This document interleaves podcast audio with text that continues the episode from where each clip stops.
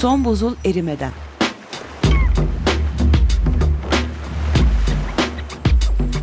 Küresel iklim değişikliğinin bilimsel gerçekleri üzerine.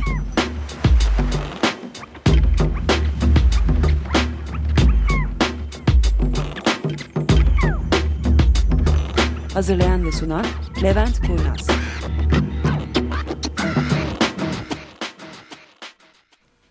Merhabalar. 3 Kasım Salı 2009.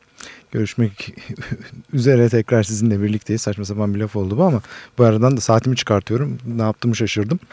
Ee, maalesef bugün çok kalabalık değiliz. Normalde bizimle olan herkes bizi sattı. Sadece Asena var. Merhabalar. Biz biliyorsunuz Asena halk olarak geliyor buraya. Evet. Ee, gayet bilgili halk olarak burada ama sonuç olarak bilim tarafında olmadığı için bugün temelde bir sabahleyin bir konuşma oldu. Ee, Ömer Bey'in programını dinliyorsanız Ömer Bey'in programında bir şeylerden bahsetti. Ondan sonra da ya esasında bu çok uzun hikaye işte çok fazla vaktimiz yok ama diyerek geçti. Ben o konuyu birazcık deşmek istiyorum. Ve böylelikle de yani bir programdan öbürüne konu çalmış oluyoruz. Konu şu BBC News'da bu 3 Kasım bugünkü BBC News internet sitesindeki haber. Bilim adamları iklim değişikliğinin hayvanlar ve bitkiler üstündeki etkilerini inceliyorlar. Ve 47.677 cinse bakıyorlar ve bunlardan 1700 şey 17.291'inin yok olma tehlikesiyle karşı karşıya olduğunu buluyorlar. Oldukça yüksek bir rakam tabii bu. Şimdi bunu birazcık ben bir perspektife koyayım. Ne demek istendiğini anlatayım istedim. Tabii ki korkunç bir rakam ama şimdi resminde de iki tane kaplum şey kurbağa var fotoğrafta. Şimdi bu kurbağalar hiç hayatta olmayacak olsa hangimizin neresine ne olur?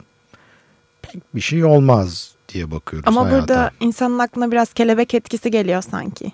Hani Yani tabii ama şimdi şöyle bu haber diyor ki bu 47.677 cinsten %21'i bildiğimiz e, memeli hayvanlar. Yani yok olması beklenen daha doğrusu tehlikede olan cinslerin %21'i memeli hayvanlar. %30'u hem karada hem suda yaşayan amfibiyen dediğimiz cinsler, kurbağalar bunlara dahil. %70'i bitkiler ve %35'i de omurgasızlar. Şimdi dolayısıyla bu sayıları koyunca ya %21 memeliler demek ki 5'te 4'ü gene de iyi ve yaşıyoruz gibi bir fikre kapılacağız. Bu doğal yani hepimizin işi bu. Bu, bu nerede dur? Ee, Jonathan Bailey, Zoological Society of London. bir Yani- de burada aklıma gelen şey bunların ne kadarının iklim değişikliğinden etkilendiği. Hani bir kısmı zaten yok olacaktı ki Şimdi Hani normalde yıllarca. normalde yok olma miktarı bunun çok çok altında. evet Normalde bu yani sanırım. bin yılda bir cinsin yok olmasından bahsediyoruz. Burada 47.677'den 17.291 ciddi tehlike altında diyor. Şimdi şuna gelmek istiyorum bu konuda. Bu çok eski programlardan bir tanesinde bunların hepsini tek tek geçmiştik. Dünya tarihinde bilinen 5 tane büyük yok olma olayı var. Bunu size de anlattıydım. Evet. Şimdi bunlardan birinci yani bu bunlarla bir perspektife koyalım. Yani dünya tarihinde cinsler periyodik olarak yok olmuşlar. Sonra tekrar yeniden ortaya çıkmışlar. Mesela bunların ilk büyük olanı 440 ile 450 milyon yıl önce olan bir olay. Bu Ordovician Silurian yok olma olayı deniyor buna. Burada e, bütün ailelerin yüzde 27'si ve bütün cinslerin yüzde 57'si yok olmuş. Bu bayağı büyük bir olay. Şimdi biz Bunun ne diyoruz? sebebini biliyor muyuz? Ee, bilmem. Birazcık inceleriz. ben zamanında dersimi çalışmıştım da. Sebeplerine gireriz ama sebepleri sonuçta bunların hepsinin sebepleri iklim. Hani insan kaynaklı değildir. Hayır, hayır, hayır, zaman tabii 450. ki. Yani hani şu ankiyle karşılaştıracak olursak. demek Şimdi istiyorum. şu anda ortalamada baktığımızda yaklaşık olarak bir yüzde 35 yüzde 40'lık bir yok olmadan bahsediyoruz. Bütün canlıların ortalamasına baktığımızda. Bunu eskiyle kıyasladığımızda bu 440-450 milyon yıl önce olan %57'si yok olmuş. Oo, bu bayağı kötü diyoruz. Sonra 360-375 milyon yıl önce geç Devonyan dönem deniyor buna. Buradakinde bütün canlıların %50'si yok olmuş. Uf kötü. Evet. Canlı cinslerinin bu da bu arada. Ondan sonra bir sonrakine geliyoruz. Permiyen Triyasik yok olma olayı. Bu da 251 milyon yıl önce. Bu büyük ölüm diye adlandırılıyor ve pek çok kaynakta bunun tamamen iklim sebepli olduğu ortaya çıkıyor. Buradaki yüzdemiz var mı peki? Burada hani yüzde 57 idi Bütün 50 deniz oldu. hayvan cinslerinin %96'sı yok oluyor. Evet, bu daha bir kötü oldu sanki. Tamam mı? Ba- bayağı ciddi kötü bir şeyden Evet. bahsediyoruz. Ee, Sonra karadakilerin de yüzde 83'ü pardon yüzde 70'i gibi bir durum söz konusu. Bu, bu çok kötü bir şey. Yani o kadarı öldü demek geriye pek bir şey kalmadı demek oluyor. Sonra biraz daha yaklaştığımızda ki burada çok ilginç bir şekilde ha tamam yok doğruymuş. Triassic Jurassic olayı bu da 205 milyon yıl önce. Burada da yüzde 48'i ölmüş canlı cinslerinin. Yine bir öncekine göre iyi Yani- bir rakam demek zorunda Tabii, kalıyoruz. tabii. Bir de son olarak bu neredeyse hepimizin bildiği KT olayı Kretaze tersiyer sanıyorum tercümesi olacak bunun. Yok olma olayı. Bu da 65 milyon yıl önce hani bu bizim dinozorlar hikayemiz. Klasik dinozorlar hikayemiz. Burada da bütün cinslerin %75'i yok olmuş. Yine yükselmiş yani böyle bir düzgün Evet. bir çizgisi de yok Ha, aslında. yok yok yok bu, bu yani doğada mesela bu 65 milyon yıl önce olanı çok büyük miktarda biz bir dış etkene yani bir meteor çarpmasına bağlıyoruz. Ama diğerlerinde yani şöyle bu 65 milyon yıl önce olan olayı neredeyse kesinlikle meteorlara bağlıyoruz. Çünkü bu epey bir zaman insanların çok düşündüğü, nereden olduğunu bilemediği. Çünkü dinozorlar böyle her çocuğun neredeyse evinde bir iki tane olup oynadığı, işte aklında kalan bir nesne. Dinozorların yok olması demek ki bayağı ciddi bir olay diyoruz. O zaman diğerleri iklimdi. İlk ikisini Şimdi şöyle. şüphelenmiştik. İlk başta bunların neden olduğu konusunda sadece fikirler var. Belirli bir kanıt yok. Yalnız yaklaşık olarak sanıyorum 30 yıla yakın 81 yılıydı sanıyorum bu. Nobel ödüllü bir fizikçi Luis Alvarez hiç alakası olmayan bir konuda ortaya çıkarak bu olayın esasında bir meteordan kaynaklandığını yayınladı. Ondan sonra insanlar olur mu ya deyip araştırmaya girdiler ve fark edildi ki dünyanın her tarafında bunun meteor kaynaklı olduğuna dair kanıtlar var ve çok ciddi kanıtlar var. Tabi soru şu meteor bütün dinozorları tamamen mi öldürdü yoksa dinozorlar zaten artık zor yaşıyorlardı bir takım sıkıntıları vardı da bu hani son çivi mi oldu tabuta çakılan bunu bilmiyoruz. Ama her halükarda orada birçok ciddi meteor olayı var. Şimdi dolayısıyla bu meteor olayı olunca diğer dört tanesi de aa onlar da meteor o zaman. Dış etkenlerden kaynaklanıyor. Furyası çıktı. Ve yavaş yavaş tek tek yani şimdi meteor olunca meteorun bir yere çarpması gerekiyor. Çarpınca bir çukur açması gerekiyor. Ve o çukurun bulunması gerekiyor. Yani sistem budur. Doğal olarak. E, çukur bulamıyorsan, meteorun çarptığına göre bir kanıt da bulamıyorsan zaman başka yerlere gitmek o zaman başka gerekir. yerlere gitmek gerekir. Tamamen olayımız bu. Ve diğer dört tanesinde başka bir yer bulunamıyor. Meteor yok. Özellikle bu 251 milyon yıl önce olan büyük ölüm dediğimizde her taraf iklime doğru uzatıyor parmağını. Bu iklim, iklim, iklim diye. Ve burada korkunç senaryolardan bahsediyoruz. Yani bu programda onların konusunda konuşmadık. Yani biz hep 2 derece artar, 3 derece artar ne olur gibi hani basit şeyler diyeceğim. Ömer Bey dinliyorsa kızacak. Basit şeyler değil ama temelde diğer kötülüklerle karşılaştığında bunlar en azından üstesinden gelmeyi düşünebileceğimiz şeyler. Bu olay o 251 milyon yıl önce olan korkunç bir ölümden bahsediyoruz. Ama şimdi benim amacım bunu bir perspektife koymaktı baştan. Şu andaki gidişle kısa bir zamanda yani önümüzdeki 100 yıldan kısa bir sürede bütün canlı cinslerinin %35'inin yok olmasından bahsediyoruz. Ve tarihe dönüp diyoruz ki bu 5 tane olayın çoğunda %50 civarında yok olma. Ve biz %35'ten bahsediyorsak bu tarihteki 5 olayla neredeyse kıyaslanabilecek büyüklükte bir yok olmadan bahsediyoruz. İnsanlar yok olur mu? 100 yıl içerisinde şüpheli. Sanmıyorum öyle bir kötülük olacağını. Ama hani canlı cinslerinin çok ciddi bir kısmının sorun yaşayacağına bakarsak demek ki kötü bir tarafa doğru gidiyoruz. Yani insanlar da etkilenecek bundan her şekilde. E, tabii ki yani bizim yetiştirdiğimiz mısır ölecek olursa doğal olarak mısır yiyen canlılar ki insanlar da buna dahil. Yani şöyle yüzde 35'lik bir ölüm bekliyorsak doğada ve bu yüzde 35'lik ölüm cinslerin ölümü yani canlıların ölümü değil cinslerin ölümü yüzde 35 ise canlıların ölümü çok çok daha yüksek oluyor. Yani cinslerin ölümü demek o cinsten bir tane kalmamasıya ölmek demek. Bu kolay bir konu değil. Dolayısıyla bizi bekleyen tehlike bu. Bunu biraz daha detaylandırmak istedim. Yani %35 ölünce ya şurada iki tane kurbağa resmi koymuşlar. Kurbağalar gitse kaç yazar? İşte şu gitse kaç yazar? Bu gitse kaç yazar? Ama sonunda yani onlar giderken biz neredeydik? Onlar gittikten sonra bize de çok fazla yaşayacak bir şey kalmıyor. Keşke göründüğü kadar basit olsa yani. Problem çok çok daha komplike bir problem. Burada bir müzik arası veriyoruz. Devam etmek üzere.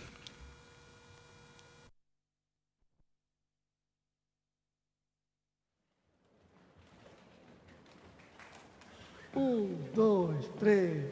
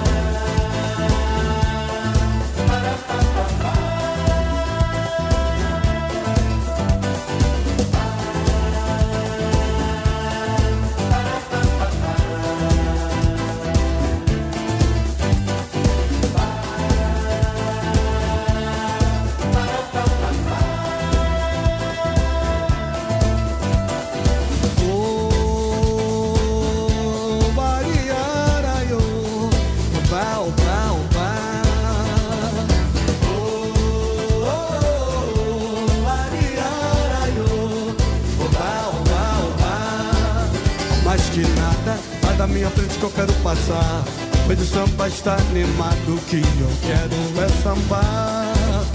Esse samba que é misto de maracatu e universal. Samba de preto velho, salve simpatia, samba de preto tu. Mais que nada, samba com um som legal. Você não vai querer que eu chegue no final.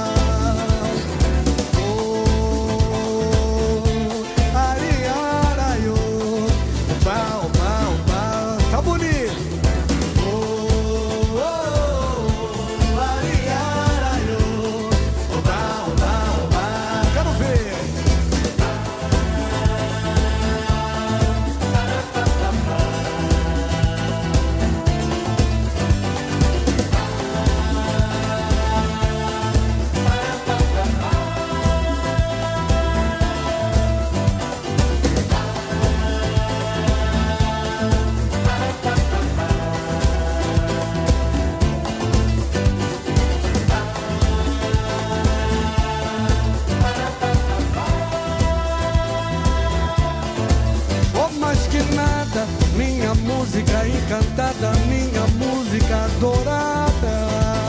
Oh, oh mais que nada, minha música encantada, minha música adorada. Oh, mais que nada, oh, mais que nada. Essa dança é gostosa, essa dança é danada, essa dança é gostosa, essa dança é danada. Trombone play, trombone play.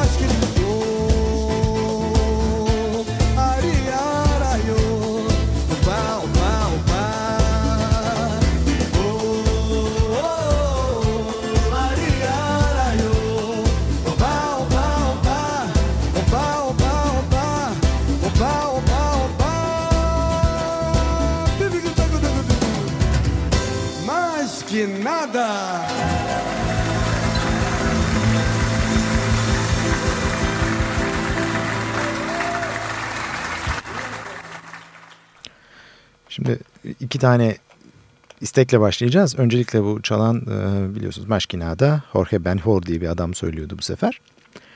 Bir gece, geçen hafta hemen çıkar çıkmaz bir dinleyicimiz aradı. Filmden bahsediyordunuz. Neydi o film ben başını duymadım diye. E, hala sanıyorum Beşiktaş Kültür Merkezi'nde oynuyor. The Age of Stupid.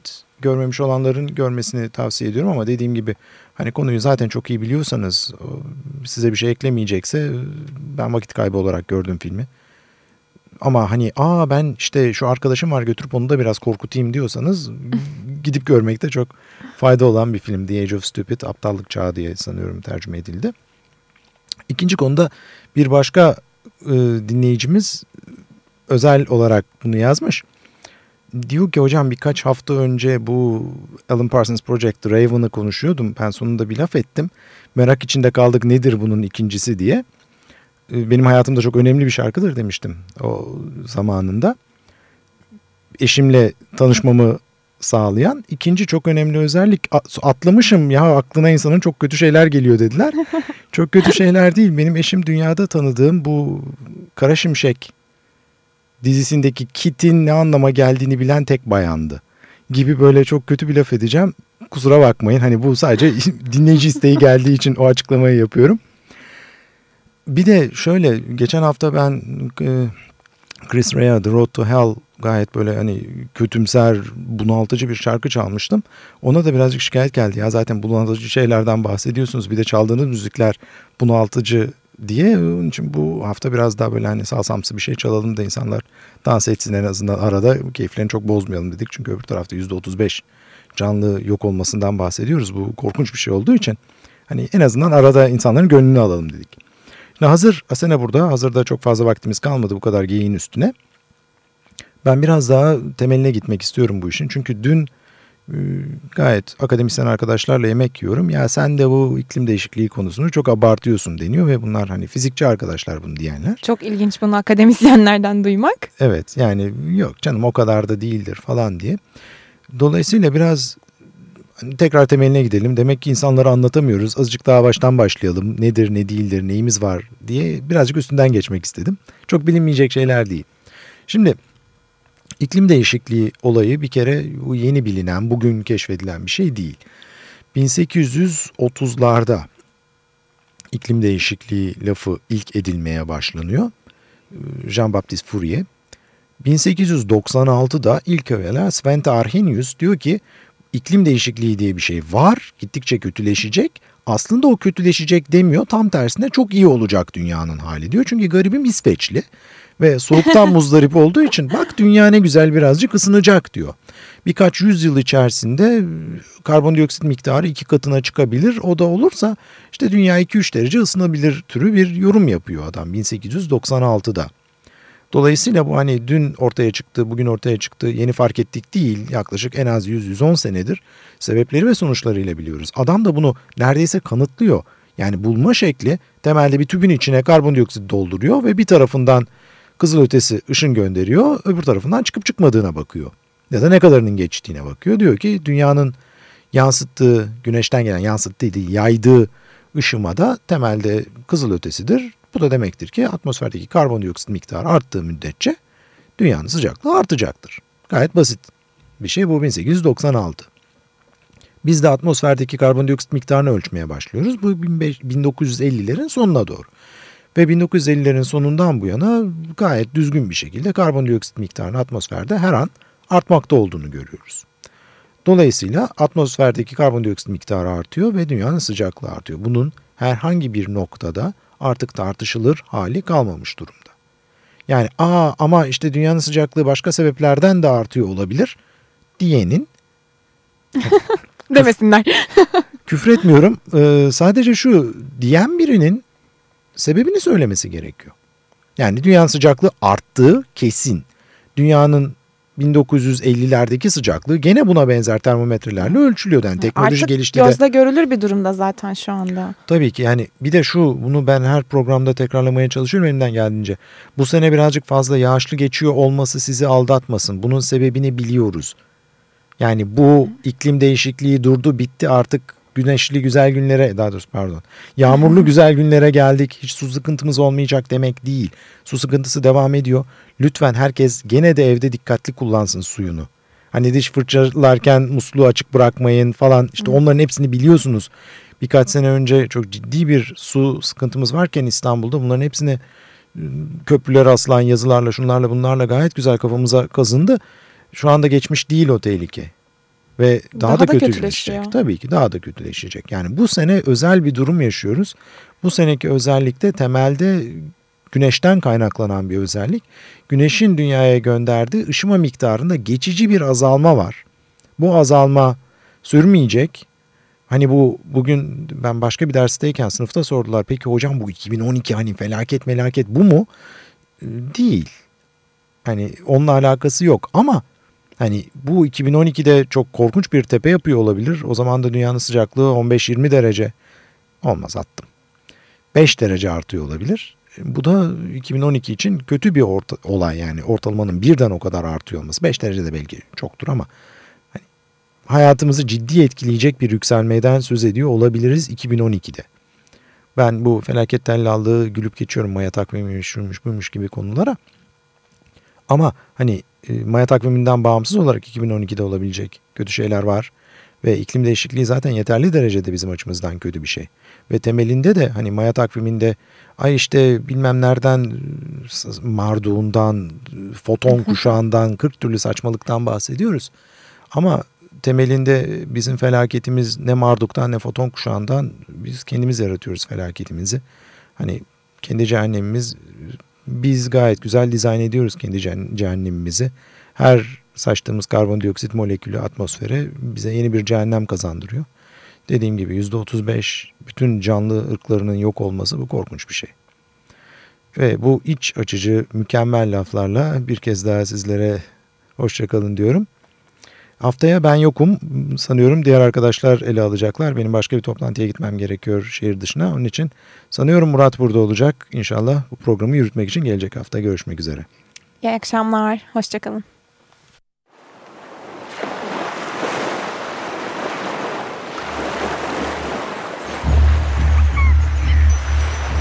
Son buzul erimeden.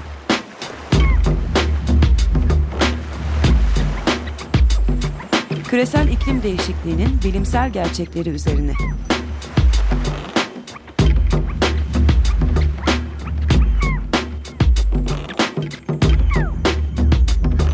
Hazırlayan ve sunan Levent Kurnaz.